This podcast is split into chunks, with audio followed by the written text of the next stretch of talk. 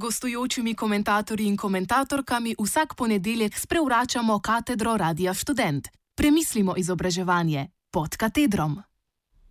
Polski kateder.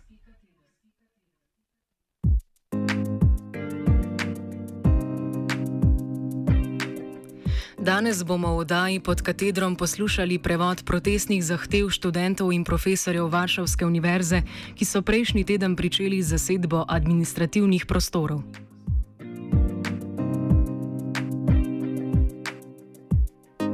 Profesori in študenti Univerze v Varšavi so začeli zasedbeni protest proti novi reformi šolstva.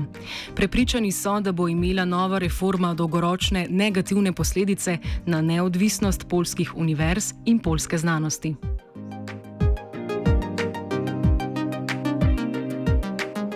To je pomemben moment za prihodnost polske akademske sfere. Polski parlament bo namreč v kratkem pričel razpravo o reformi šolstva, imenovano Akt 2.0, ki jo predlaga ministr za znanost in visoko šolstvo Jaroslav Govin.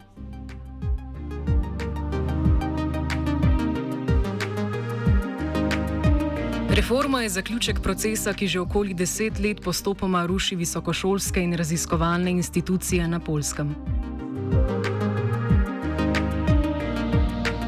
Akt 2.0 bo večini študentov in akademikov odzel vlogo pri sooblikovanju prihodnosti univerz, na katerih delajo oziroma se šolajo. Hkrati bo povečan politični pritisk na raziskovalne in pedagoške aktivnosti. Avtonomija univerze bo omejena na avtonomijo rektorja, sočasno pa bodo vladajoče politične stranke svoj vpliv še povečale z upeljavo novega telesa na univerzah univerzitetnega odbora. Več kot polovica novo nastalega telesa bo prihajala od zunaj. Podoba situacija, oziroma podobna situacija se je na Polskem že pripetila po letu 1968, ko je primerljiva reforma ukinila kolektivni status univerzitetnih teles in tako ukinila možnost demokratičnega in decentraliziranega upravljanja z univerzo.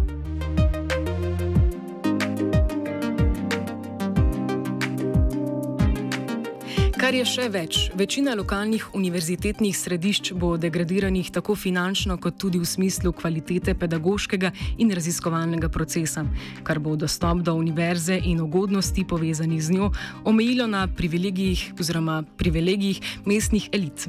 Implementacija akta 2.0 bo ustvarila svet, v katerem deset tisoče mladih ljudi, ki niso imeli te sreče, da bi se rodili v velikem mestu ali bogati družini, ne bo imelo druge možnosti, kot da študirajo študirajo na finančno podhranjenih poklicnih višjih šolah, ki so le slaba zamenjava za univerzitetno izobrazbo.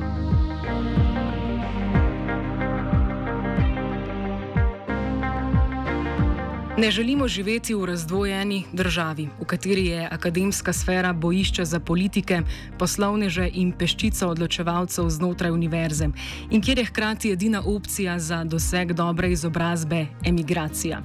Zato razglašamo dneve neodvisne univerze, zasedbo, zasedbeno stavko in protestno akcijo na univerzi v Varšavi, kjer večina od nas študira ali dela.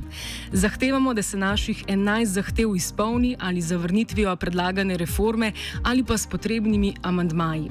Naš poziv je namenjen vsem politikom Polskega državnega zbora, Sejma in hkrati premijeju Mateju Šomoravjeckemu.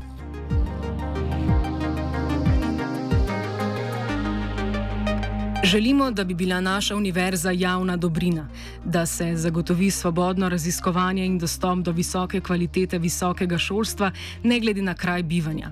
Nasprotujemo akademski oligarhiji, ki vzpodbuja manipulacije političnih strank in odvisnost od političnih zahtev oblasti.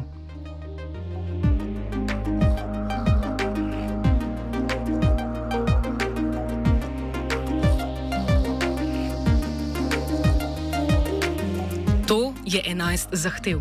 Prvič, demokratizirajte univerzo. Želimo več transparentnosti pri volitvah članov akademskih teles, vključno z bolj transparentnimi volitvami za rektorja.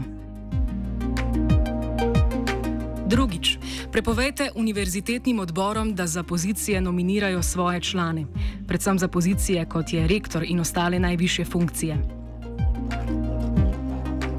Tretjič, ohranite trenutno strukturno razdelitev po vedah in oddelkih in to zagotovite v zakonodaji. Četrtič, univerze naj bodo politično neodvisne. Prenehajte z napadom na avtonomijo znanstvenega dela in zavarujte svobodo raziskovanja, neodvisno od političnega vpliva in pristranskosti pri dodeljevanju sredstev. Petič, zagotovite transparentnost.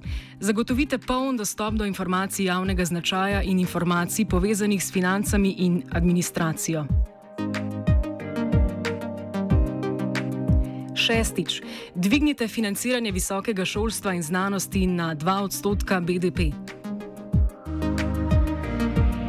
Sedmič, izboljšajte življenjske pogoje. Želimo dostopnejšo finančno pomoč in štipendije na vseh stopnjah izobrazbe. Izboljšati je treba infrastrukturo, vključno s študentskimi domovi in stanovanskimi rešitvami za profesorje in ostale zaposlene. Te spremembe naj stremijo kot pravi socialnih in ekonomskih barijer in naj izboljšujejo dostopnost šolstva in zaposlitve v znanosti. Osmič. Izboljšajte delovno zakonodajo z upeljavo kolektivnih pogodb z možnostjo skupnega protesta in stavke na odločitve ministrstva in sveta rektorjev vseh univerz. Devetič. Zagotovite objavljanje v polščini. Želimo močna zagotovila, da se bodo raziskave na področju družbenih ved izvajale in objavljale v polskem jeziku. Desetič. Zaustavite centralizacijo visokega šolstva, kajti trenutne prakse vodijo le k še večjim oziroma večji marginalizaciji manjš, manjših regionalnih univerz in raziskovalnih centrov. Enajstič. Spremenite člen 124 v petem poglavju. Zahtevamo, da se končanje pogodbe omeji na situacije, kjer je sodišče določen prekršek pravnomočno obsodilo in je bil hkrati nameren. Akademija je po našem mnenju javna dobrina, zato jo bomo branili tako dolgo, kot bo potrebno. Spremembe pri delovanju so neizbežne in vsekakor potrebne. Toda, reforme ne smejo biti nikoli izvedene v škodo potencijala znanosti in izobrazbe, kar nedvomno velja za reformo Akt 2.0. Borili se bomo, da postanejo polske univerze odprti in vključujoči prostori, kjer se lahko znanstveno in pedagoško delo izvaja nemoteno in kjer so delovni pogoji najmanj sprejemljivi. To lahko dosežemo samo skupaj. Vsem nam je v interesu, da se borimo za izboljšanje pogojev, v katerih študiramo in izvajamo svoje raziskovalno delo podpisan Akademski protestni odbor.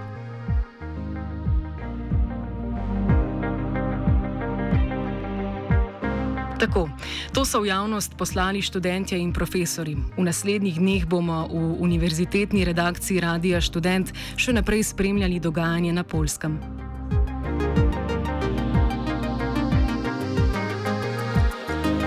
Ažurno je prevajal Matija.